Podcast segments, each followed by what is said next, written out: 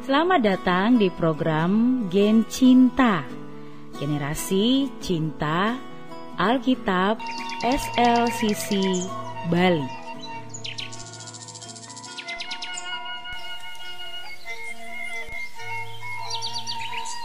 Jangan ada iri hati di antara kita.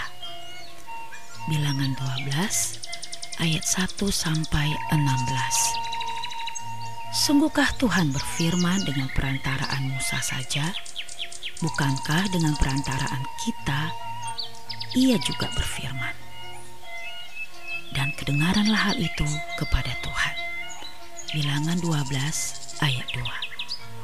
Kisah ini berawal ketika Miriam dan Harun merasa kecewa kepada saudara kandungnya Musa yang telah menikahi perempuan Kushi.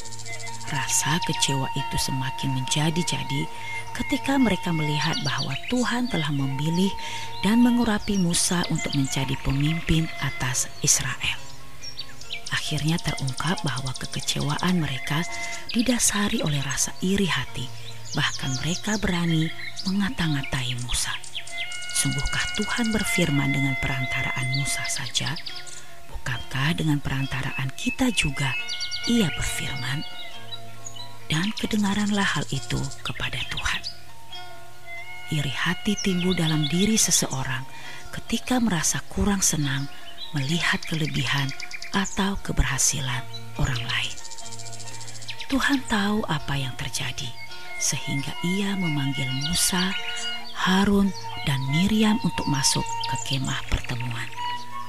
Jika di antara kamu ada seorang nabi, maka aku, Tuhan, menyatakan diriku kepadanya dalam penglihatan. Aku berbicara dengan dia dalam mimpi. Bukan demikian hambaku Musa, seorang yang setia dalam segenap rumahku. Bilangan 12 ayat 6 sampai 7. Karena telah mengata-ngatai orang yang telah diurapi Tuhan, Miriam harus menuai akibat yaitu terkena kusta. Sebab itu, bangkitlah murka Tuhan terhadap mereka.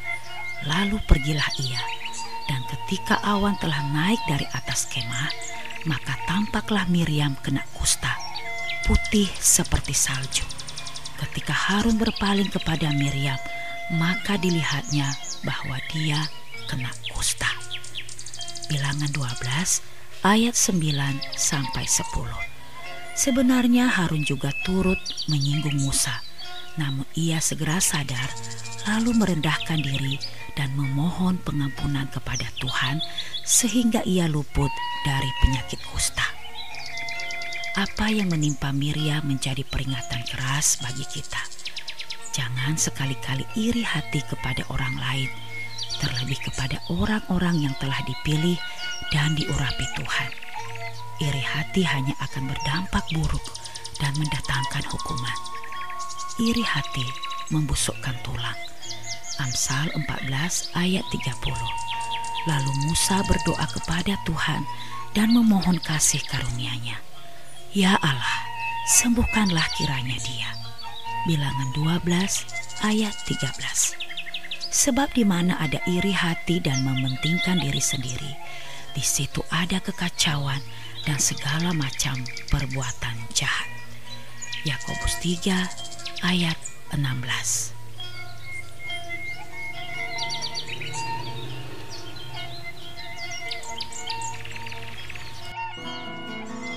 Demikian program Geng Cinta, generasi cinta Alkitab kita hari ini.